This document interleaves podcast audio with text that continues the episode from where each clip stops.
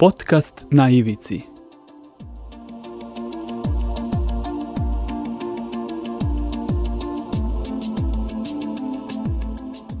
Na ivici. Pozdrav ljudi, došli smo i do 12. epizode podcasta na Ivici koji se emituje na portalu storyteller.rs.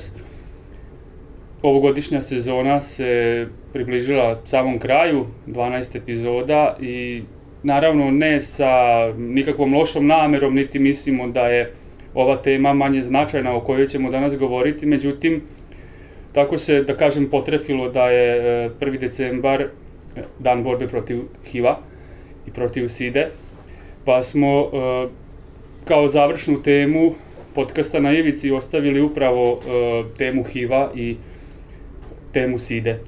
Zadovoljstvo mi je što u današnjoj zaključnoj epizodi za 2021. godinu e, mogu da pozdravim i ugostim e, predsednika udruženja Crvena linija Gorana Kljajića. Hvala vam Gorane što ste to odvojili vreme za učešće u ovom podcastu.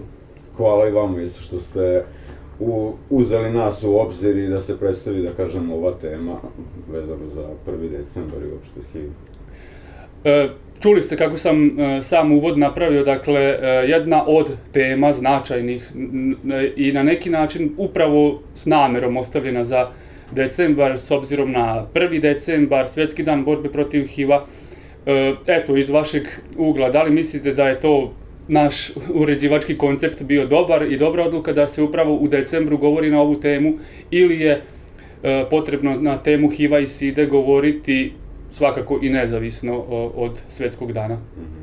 Pa svakako ako gledamo ponovo te neke redosled u stvari obeležavanja ovih nekih datuma međunarodnih, pošto kao što znate ima i međunarodni dana, na primjer borbe protiv kancera i tako slično, tako eto i 1. decembar isto je da kažemo, Svetski dan borbe protiv HIV i AIDS-a, s tim ovaj, razlogom ste dobro naravno postupili, a volili bi naravno da, i, da to bude neka češća praksa da kažemo uopšte u društvu, da se i tokom cele godine isto priča na ovu temu, a ne samo da bude eto, povodom 1. decembra. E, u nekoliko poslednjih epizoda sam e, svoje sagovornike na samom početku tako pitao ovaj, da li misle da je tema koju u toj epizodi sam sa njima došao da obradim, da li smatraju da je ta tema na ivici, kako je i sam naziv podcasta. Šta vi mislite, da li je tema HIV-a i AIDS-a na ivici? Da, definitivno jeste na ivici. Uh, evo, kao što sam već spomenuo, mislim da je na ivici iz tog razloga zato što se možda samo jednom godišnje obraća pažnja kod većine ljudi e, na temu HIV-a, a s druge strane mislim da je na ivici zato što ima da kažem u velikom broju ljudi koji nisu i dalje upoznati uopšte sa ovom temom i iz tog razloga da kažem ljudi koji žive sa HIV-om su stigmatizovani, diskriminisani zato što ljudi nisu upoznati sa tim, možda na koji način mogu uopšte da se zaštite, koje su ovaj to ovaj koja je to prevencija, a isto i na kraju krajeva da bi uopšte bili upoznati sa tim na koji način danas ljudi žive, što bi u velikoj meri razbilo tu neku stigmu prema osobama koje žive sa HIV-om. Mislim da je generalno to problem, da recimo, ne znam, i 16 dana aktivizma ili Svetski dan Roma ili dan protiv, borbe protiv, ne znam, raka dojke i slično, da pažnja se usmeruje na, na, na tu oblast taj dan kada se obeležava, dva dana pre toga, dva dana posle toga i onda se interes šire javnosti da, spušta na neki nizak nivo. Da, baš tako. Slično je, dakle, tema i sa HIV-om i sa AIDS-om. Da, jeste neke opšte stvari da, da, da pomenemo, dakle, o svetskom danu borbe protiv HIV virusa, protiv mm -hmm. bolesti. Pa, eto, mislim, svetski dan borbe protiv HIV-a, znači, obeležava se još od davne 1988. godine, kada je prvi put obeležen i kao prvi ikad globalni dan zdravlja. Znači, tad je ono, da kažemo, krenulo ovaj, uopšte obeležavanje nekog dana zdravlja a, a evo ove godine upravo se i navršava 40 godina od kad je zabeležen prvi slučaj, znači HIV infekcije, znači daleke 81. Kao što vidite, na primjer, upravo u tom nekom razmaku od 81. do 88.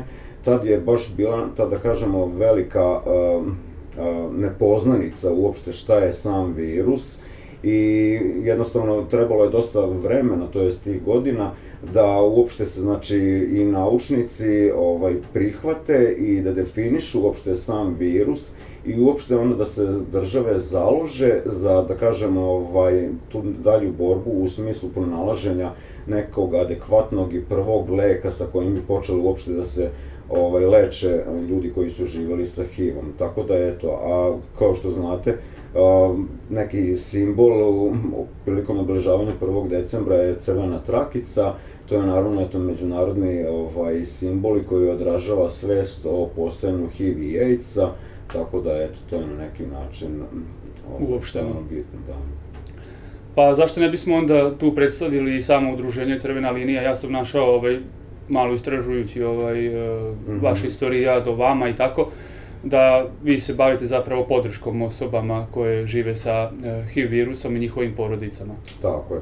Tako je. Mi smo, znači, u stvari, ovaj program podrške ljudima koji žive sa HIV-om je otpočeo još daleke 2002. godine u okviru ekumenske komunite organizacije, to jest bio resursni centar ovaj, koji se tim bavio, međutim, eto, da kažem, umeđu vremenu, ono kao tim nekim zahtevima donatora i to, oni su ono, ipak e, tražili da to bude organizacija koja će se specifično baviti tom temom i tako da je ono Crvena linija 2010. godine osnovana i postala pravno lice Uh, I znači, naš primarni osnovni cilj je znači ta pomoć i podrška ljudima koji žive sa HIV-om. Uh, drugi segment bitan za, naš, za rad naše organizacije uopšte znači prevencija. Uh, Znači tu prevenciju sprovodimo kako kroz edukacije prema mladima i to je u najčešćem slučaju edukacije koje se sprovode u školama, znači na temu HIV-a i polno prenosivih infekcija, kako bi mogli sebe da zaštite,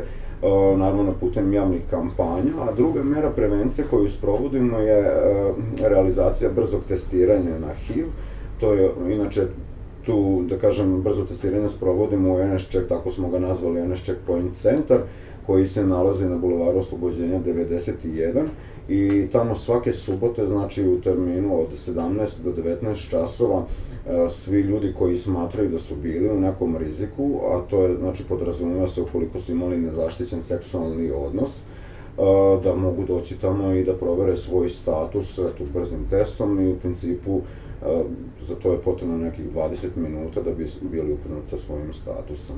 To je jedna korisna informacija za, da. za ono ljude koji ovaj, žele da se testiraju.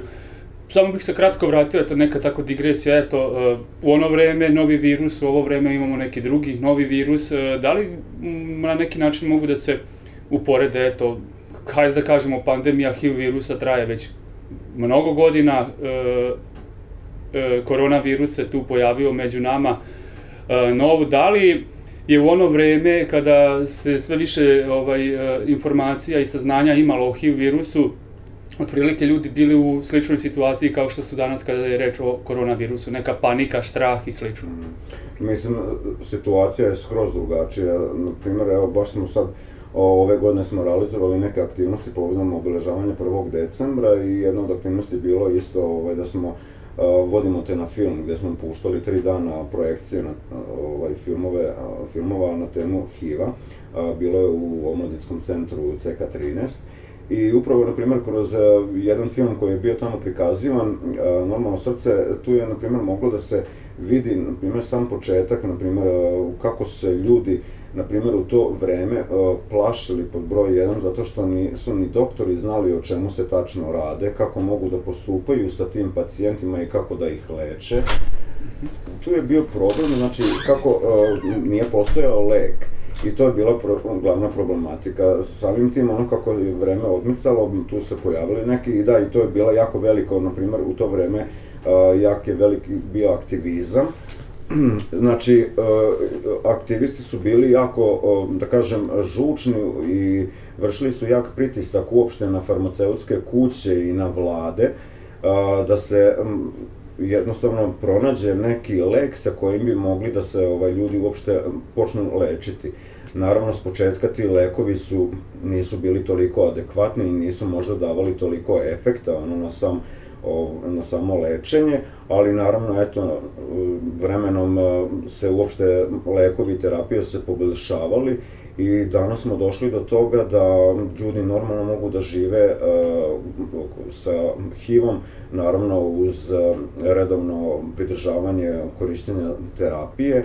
Uh, znači, i mi nekako i danas isto sprovodimo upravo te neke kampanje uh, gde pokušavamo znači, uh, da opštoj populaciji stavimo do znanja da i u tom slučaju ljudi koji žive sa HIV-om ne mogu na neki način ugroziti neko ko nije HIV negativan, zato što neko ako je na terapiji, znači ta antiretovirusna terapija, znači koja se koristi za lečenje, ona potiskuje HIV do nemerljivog nivoa u krvi, što znači da virus se ne može preneti. I znači te osobe, jednostavno ljudi koji su na efikasnom tretmanu lečenja, ne mogu preneti virus svom partneru ili partnerki. Tako da, eto, to i danas se da, inače HIV smatra se hroničnom bolešću, zato što, eto, znači, mora samo, eto, što se kaže, ceo život osoba da uzima terapiju redovno i samim tim drži pod kontrolom ovaj svoj HIV virus. Eto, to su dakle neke nove stvari i nove informacije i ja priznajem da i ja, meni je virus kao takav delimično poznat, deli, do, nešto znam, nešto ne znam, uvek nešto novo čovjek nauči, dakle, to je, verujem, i za naše ove, slušalce da su nešto novo sada mm. e, naučili. Dakle, dolazimo tu do nekih korisnih informacija, šta znamo, a šta ne znamo o virusu, koje su proverene informacije, koje su, da kažem, i najčešće zavlude, ono što ljudi se zapravo plaše, a ne bi trebalo da se plaše i slično. Mm -hmm. Pa, eto, da, mislim, na neki način, sad smo već dao sam odgovor na jedan segment. Mislim, generalno, e, sama uh, HIV tema je dosta kompleksna i verovatno onda samim tim isto možda i otežavajuća okolnost da, da kažem, ljudi bi ono možda i se, da kažem, adekvatno i u celini informišu vezano za sam HIV virus, zato, ali ipak mislim da bi trebali da teže tome zato što je ipak HIV virus je vezan za, da kažem, seksualne odnose, za neku intimu, ovaj, naravno to doprinosi uopšte i tome da je HIV dalje ono neka tabu tema, jer kao što znamo da ipak, da kažem, u društvu, naročito, na primjer, u okviru porodice, da se, na primjer, sad mladi od strane možda roditelja informišu, znamo da mi, to najčešće nije slučaj, i samim tim onda možda mladi ono ostaju možda uskraćeni za neke informacije vezano uopšte za to neko seksualno i uopšte reproduktivno zdravlje, a što je ipak bitan segment i onda te neke informacije oni jednostavno, evo sad sam baš skoro pričao sa jednim kolegom koji o, je vršio edukaciju u školi i onda je bilo pitanje na koji način dolaze mladi do informacija vezano uopšte, znači za to reproduktivno i seksualno zdravlje i onda su rekli da u najčešćem slučaju je to znači da li putem interneta ili ovaj, uopšte znači razgovor među svojim vršnjacima i sve to.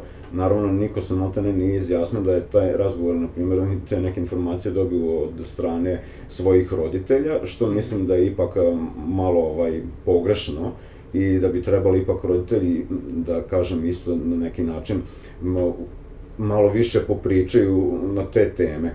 Tako da, eto, mislim, a, i da je to jednostavno a, potreba da se ljudi informišu, znači na koji način mogu da se zaštite, a takođe isto i potreba uopšte da vrše, da imaju tu, um, da kažem, svest o prevenciji u smislu znači da će onda ako sumnju da su bili u nekom riziku uopšte ići da se proveri. Znači neko može samo da sazna da li je um, svojih, u stvari svoj HIV status može samo da sazna testiranjem na HIV. E, tako da, eto, u tom slučaju to je jako bitno. E sad tu jeste taj jedan problem, isto što ljudi upravo zbog te, da kažem, stvorene već stigme a, vezano za HIV, HIV se plaše da odlaze, na primjer, da se testiraju i upravo je to ono da kažem isto jedan problem zato što znaju već kako da kažem ljudi koji žive sa HIV-om eto kako su obeleženi, to je stigmatizovani i to je jedan isto od razloga onda zašto se ljudi ono u manjoj meri odazivaju i odlaze da provere svoj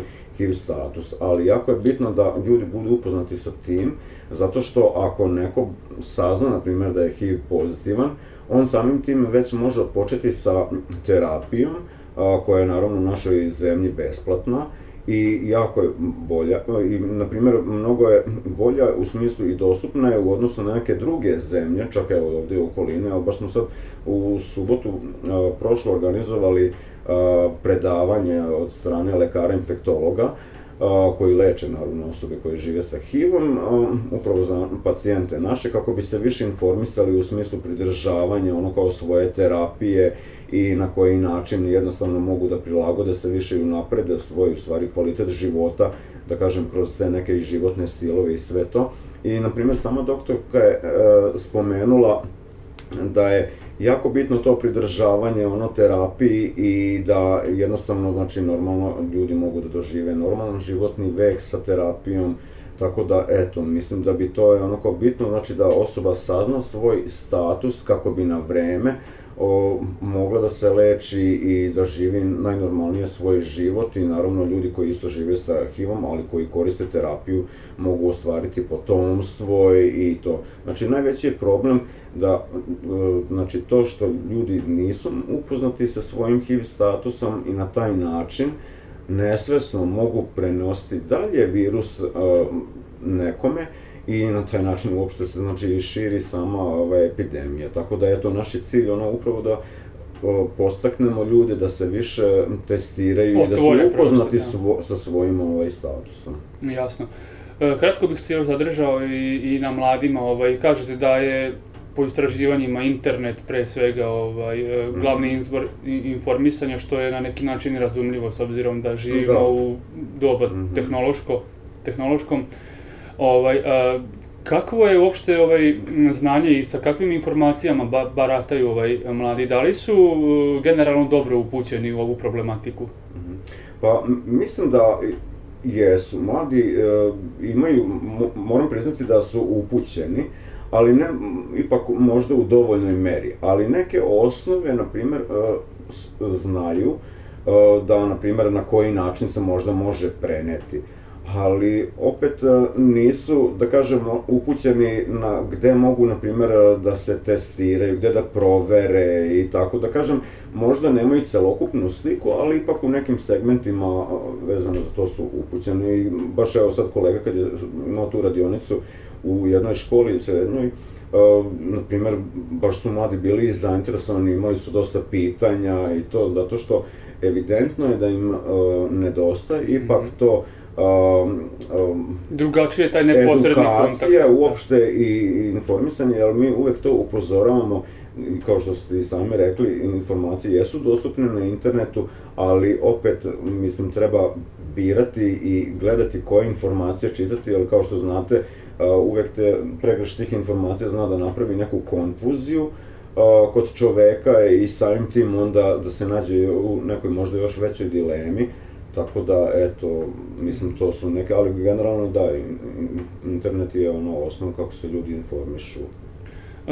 Nedavno sam pričao i sa ljudima iz e, organizacije ili grupe Izađi. Mm -hmm. ovaj, isto je bila tema HIV virus i slično, pa m, u razgovoru e, sa njima sam ja ostao isto iznenađen, a i oni su sami iznenađeni, su mi rekli da su bili iznenađeni time da još uvek postoji taj e, nedostatak e, informacija kod ljudi koji da se ne razlikuje HIV virus od AIDS-a, odnosno da. SIDE. Da li je iz vašeg iskustva e, imate taj utisak da HIV nije jednako SIDA, treba to naglasiti. Naravno, pa to je isto, da kažem, upravo to je isto jedan od možda tih segmenata što, da kažem, i što sam mislio kad sam onda spomenuo da je HIV kompleksno, ovaj, da kažem, pitanje. tema i pitanje, da, zato što ipak postoje mnoge neke stvari koje trebaju tako da kažem objasniti ljudima i mi se stvarno trudimo da nekako prilagodimo i uprostimo taj rečnik kako bi nekako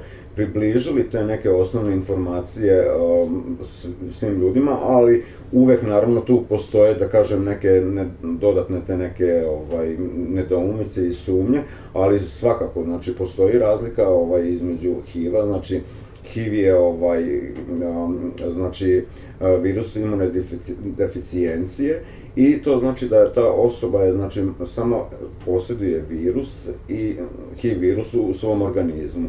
Dok AIDS znači da je osoba se već u stadijumu kad se razbolela, kad se raširio i tad se to posmatra kao AIDS i samim tim onako u toj fazi AIDS znači dolazi do pojave oportunističkih infekcija koje ovaj, mogu naravno dovesti onda do smrtnog ishoda. Ali neko ako posjeduje HIV, on može tako isto da živi a, par godina uopšte, znači ne znajući da ima virus, najnormalnije je sve obavlja životne a, a, stvari, da. aktivnosti, Uh, I to je problem i samim tim tokom ovaj, tog perioda čoveku onda opada imunitet i onda što može dovesti do ovog, znači sledećeg stadijuma tog AIDS-a, gde onda se, kako je osobljen čoveku imunitet, samim tim ovaj, javljaju te infekcije koje kao karcinomi i mnoge neke druge što mogu dovesti do ishoda. Da. Pomenuli smo nekoliko puta, ali sad ćemo i podrobnije da se posvetimo diskriminaciji i stigmatizaciji mm -hmm. HIV pozitivnih osoba. Verujem da je to ovaj, isto jedno značajno polje koje treba razmotriti da mm. postoji ovaj, široko rasprostranjena diskriminacija HIV pozitivnih osoba. Da, pa jeste, nažalost, to je tako. Uh, mislim, kako da kažem, eto, sa pojavom te epidemije, jednostavno i te neke razne metafore koje se pojavile uopšte vezano za HIV i AIDS su doprinale tome da uopšte danas, znači, HIV posmatra kao jedna tabu i stigmatizirajuća, da kažem, tema, zato što je tad u to vreme, na primjer, HIV se najviše javljao kod uh, gej populacije, kod intervenskih korisnika droga, seksualnih radnica i mnogi su znači smatrali da su oni u stvari lično krivi i neodgovorni za dobijanje HIV i AIDS-a. I ta neka slika je jednostavno ostala i dan danas a, prisutna kod ljudi i to posmatraju što naravno uopšte danas slika nije takva, danas znači apsolutno imamo različitih profila ljudi, to znači može biti i gej, može biti i heteroseksualna osoba, imamo i decu, na primjer, koje su HIV pozitivna, na primjer, to je čak pre nekih 15 godina i 20, na primjer, bila situacija u Rumuniji, na primjer, gde se jako veliki broj dece zarazio, na primjer, HIV-om putem transfuzije, što eto i na taj način isto su neki mogli Tako da, mislim, kažem, danas imamo različitih profila i to mi je, ovaj, jednostavno, i to je na neki način naša ipak i zadatak i misija da pokušamo da, znači, razbijemo tu stigmu uopšte i te predrasude koje vladaju prema ljudima koji žive sa HIV-om, a i uopšte prema samom HIV-u, da bi jednostavno svi bili upoznati sa tim, znači da je ta infekcija, to jest virus je prisutan i da može kod svakog da se javi, nebitno sad na nečiju seksualnu orijentaciju ili... Mm -hmm. A da li ste se sreli, ne znam, u praksi, na primjer, da HIV pozitivna osoba je bila teže nalazi posao, na primjer, ili teže upisuje dete u vrtić, na primjer? Imali smo, imali smo te slučajeve, svakako bila jedna, um, isto, na primjer, sa jednim uh, korisnikom našim, koji je, on je pozitivan, međutim njegova deca su išla u školu i sticam okolnosti saznalo da je otac bio da je pozitivan i tu je bio taj neki razgovor, ali i, da kažem, neke sumnje, ali opet to se sa, da kažem, nastavnicima u školi to rešilo. Međutim, imali smo slučajeve, na primjer, da ljudi kad su ležali um, u, na primjer, u bolnici i umeđu vremenu kad su onda izašli iz bolnice, u tom međuvremenu poslodavac je saznao za njihov status i posle kad se vratila ta osoba na svoje radno mesto, onda je bilo je rečeno da eto više ne može da radi. Naravno nije se nikada uh, spomenuo razlog zašto je, I čak je jedan slučaj bio, na primjer, da je korisnik hteo da preko poverenika za zaštitu ravnopravnosti um, pokrene slučaj, međutim, on, nažalost, u, tad kad mu je saopšteno u razgovoru da o, neće više raditi, na primjer, bio je tu još, još jedna osoba koja je mogla da bude kao svedok, nažalost, ta osoba nije htela to da potvrdi. Tako da, a, iz tog razloga nemamo mnogo tih nekih procesuiranih slučajeva, na primjer, uopšte sad govorim na nacionalnom nivou, uh, iz tog razloga zato što se mnogi plaše, na primjer, da ako to krene da onda će ipak biti vidljivo i uopšte celoj javnosti i zbog toga se jednostavno ljudi plaše. Bilo je slučajeva, na primjer, pre par godina, na primjer, isto jedan čovek je ležao u kliničkom centru gde je na njegovoj temperaturnoj listi krupnim ono, markerom bilo ispisano njegov HIV pozitivan status, što naravno nije uopšte dozvoljeno i onda u tom slučaju isto se on javio i nama i mi smo naravno komunicirali i sa infektivnom klinikom gde se onda i kontaktirao republički obucman i ja mislim da ste verovatno i to bilo isto i na vestima, samim tim onda je, eto, da kažem, moralo da se održe isto obuke za zdravstvene i medicinske radnike u okviru kliničkog centra kako bi znali da postupaju uopšte, na primjer, sa ljudima koji žive sa HIV-om i na kraju krajeva tako odavanje povedljivih informacija uopšte niti je dozvoljeno, niti primerano uopšte za samog pacijenta.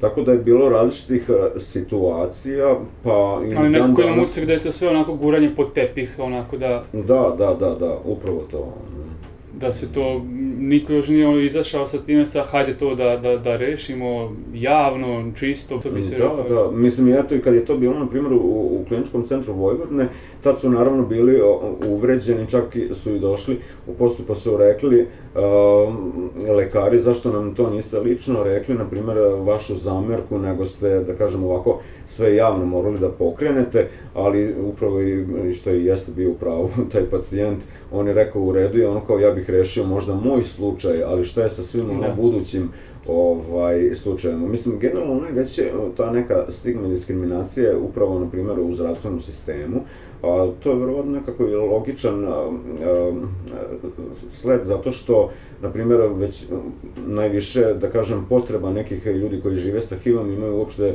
za zdravstvene neke usluge i samim tim kad treba da se nešto da kažem, neka intervencija uradi zdravstvena, ipak iziskuje da je, na primjer, lekar upoznat sa opštim zdravstvenim statusom osobe i samim tim onda nekada, eto, kada neko se kaže da je, na primjer, HIV pozitivan, tu dolazi onda do, na primjer, odbijanja, ono kao, pruženja neke te zdravstvene usluge.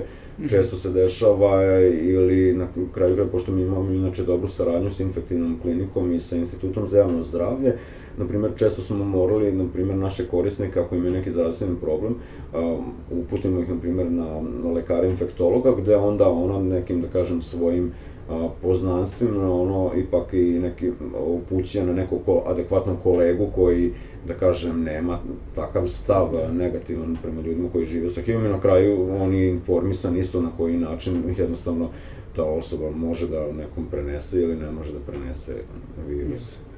Kad smo već kod ovoga, ja sam u tezama naveo to kao autocenzura. Da li postoji, e, baš iz ovih razloga, da se ne nailazi na ovakve probleme, na diskriminaciju, na slične stvari. Da li postoji ljudima koji su e, HIV pozitivni, eventualno ta potreba da, da to zadrže za sebe, za svoje eventualno najbliže i slično, da sačuvaju tu tajnu pod znacima navoda, mm. eto ja sam HIV pozitivan, međutim ne želim to da, da saopštim poslodavcu ili već. Mm -hmm. I pa, da li je to na neki način opasno ili kako bih rekao? Da.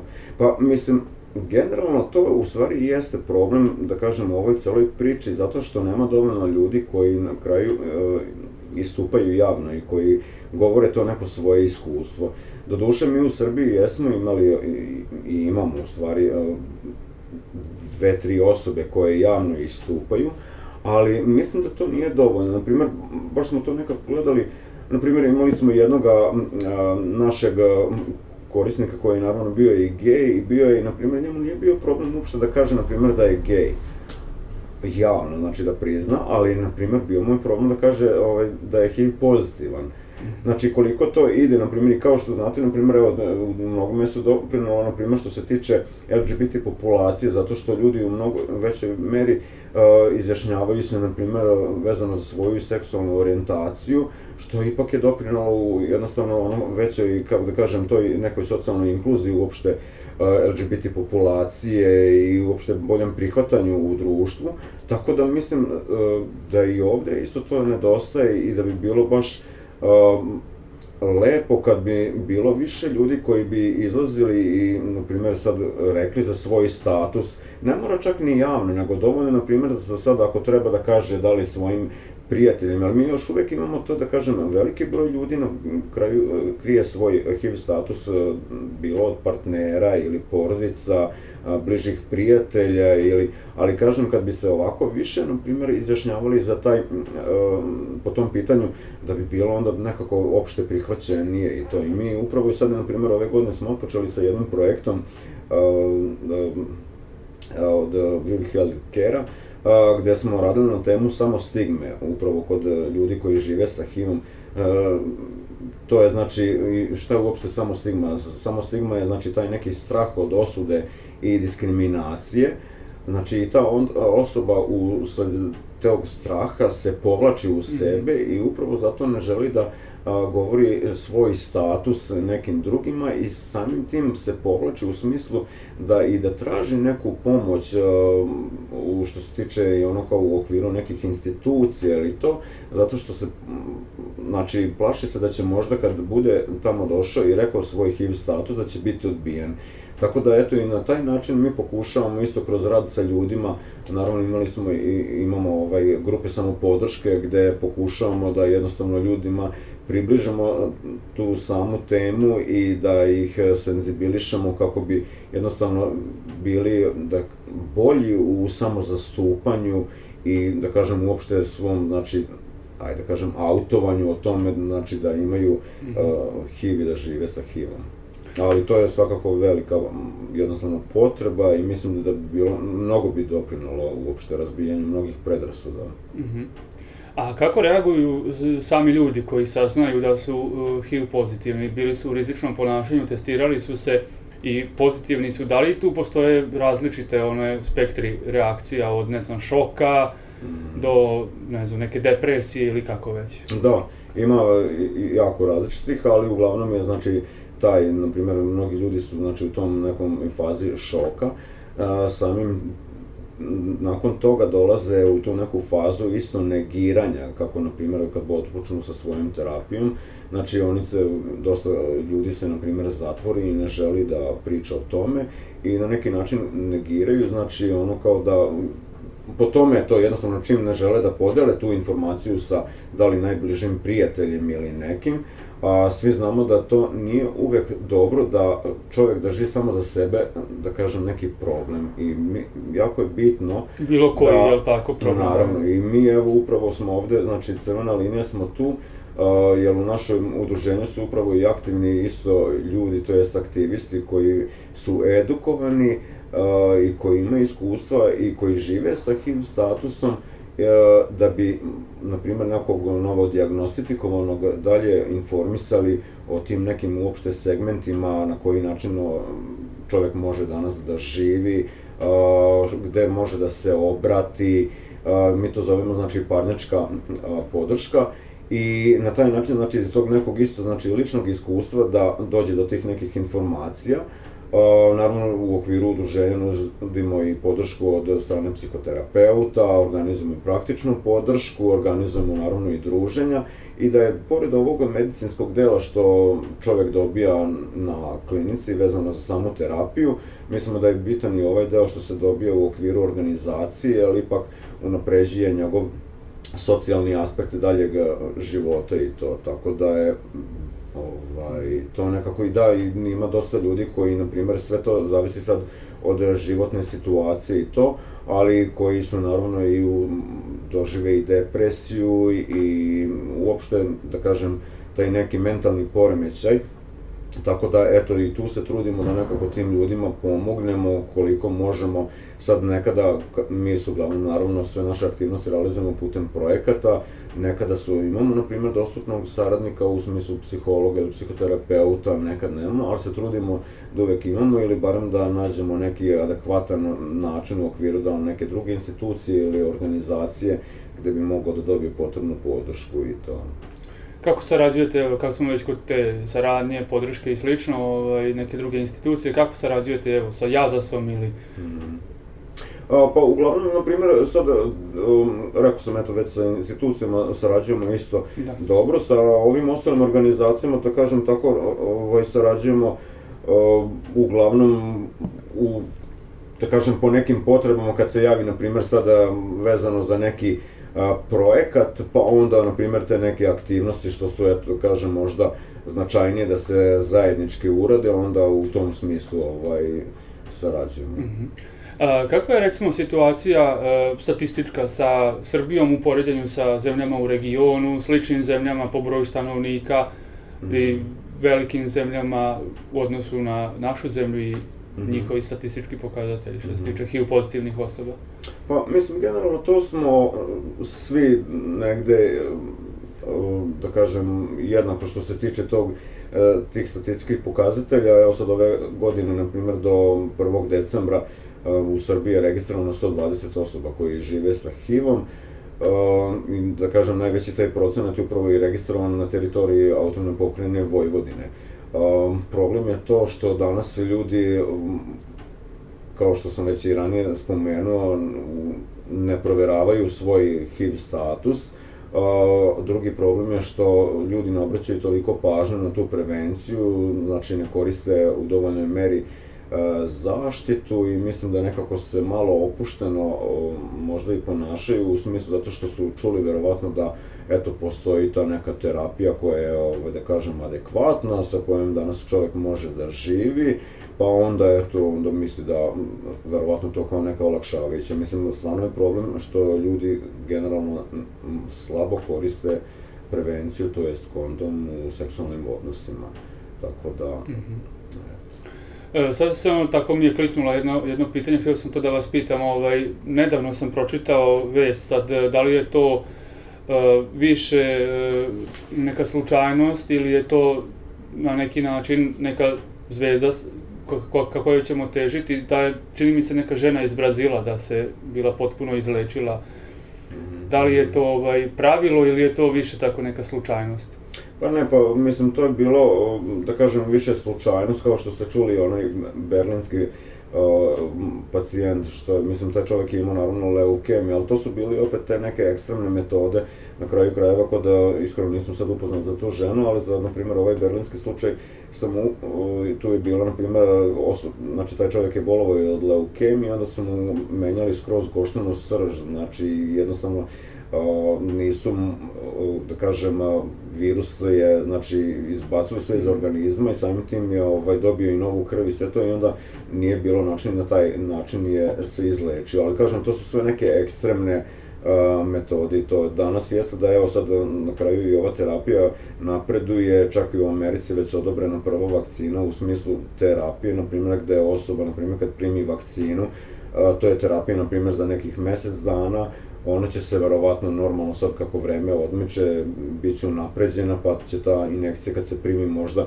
onda imati dejstvo svoje za dva meseca ili da li za pola godine kad će osoba primati tako i na, naravno uopšte evo sad i ovde kod nas ovaj, da kažem, dostupna terapija, a, na primjer, u, normalno, to u antivirusnoj terapiji se koriste kombinacija tri leka, danas, na primjer, ljudi su morali da kažem, da piju, ono, bukvalno rečeno, šaku lekova, međutim, danas je to isto dovelo do toga, na primjer, da je te kombinacije su lekova svedene na jednu ili dve tablete, što je vrlo olakšavajuće za upotrebu, tako da, i baš da doktorka spomenula na ovom predavanju u subotu, da, na primjer, mi čak imamo i bolju terapiju nego što ima engleska sama, na primjer, tako da, eto, u tom smislu. Mhm.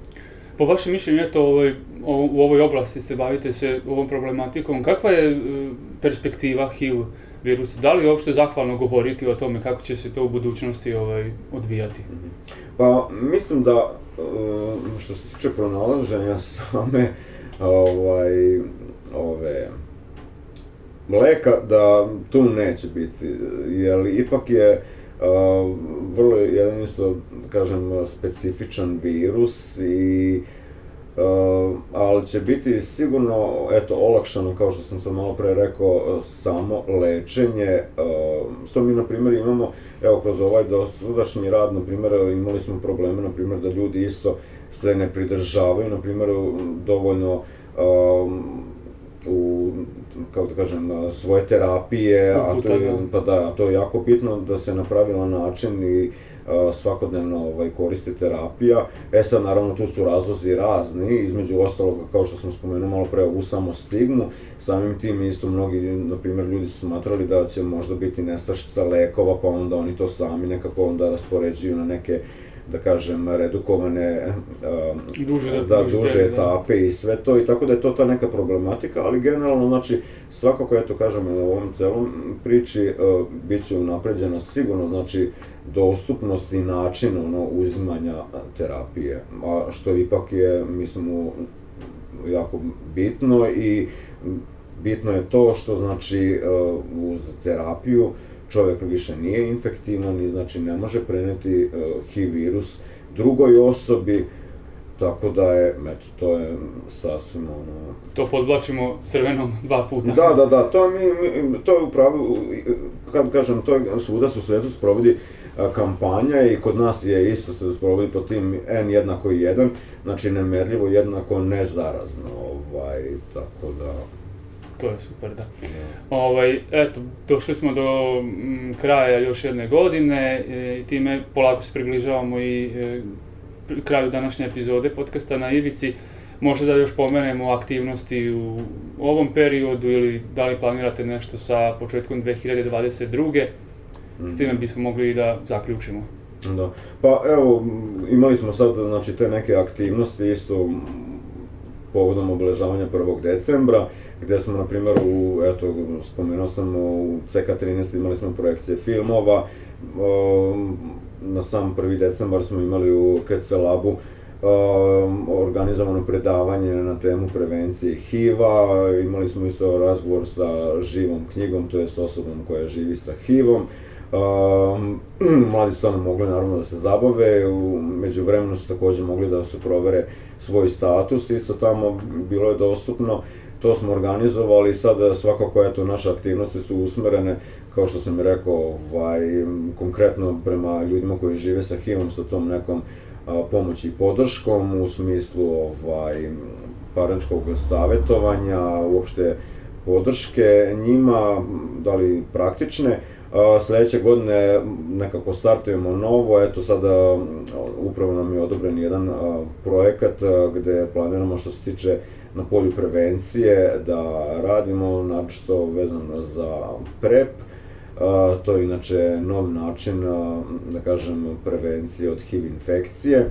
Tako da, eto, naše aktivnosti će onako biti svakako ono dalje nekako aktualno i tu naravno planiramo isto neke kampanje, čak i na nacionalnom nivou kako bi što više ljudi upoznali ovaj, sa celokupnom tematikom što se tiče i prevencije HIV-a i uopšte samog lečenja.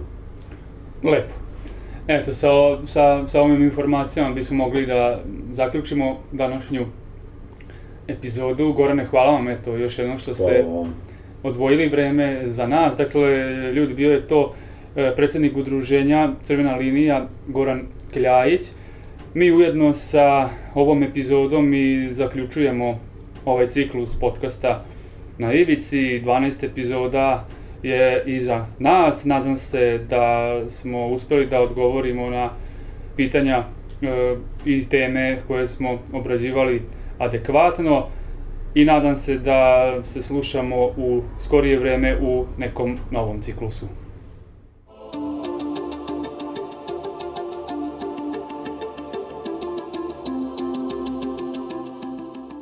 Podcast na ivici.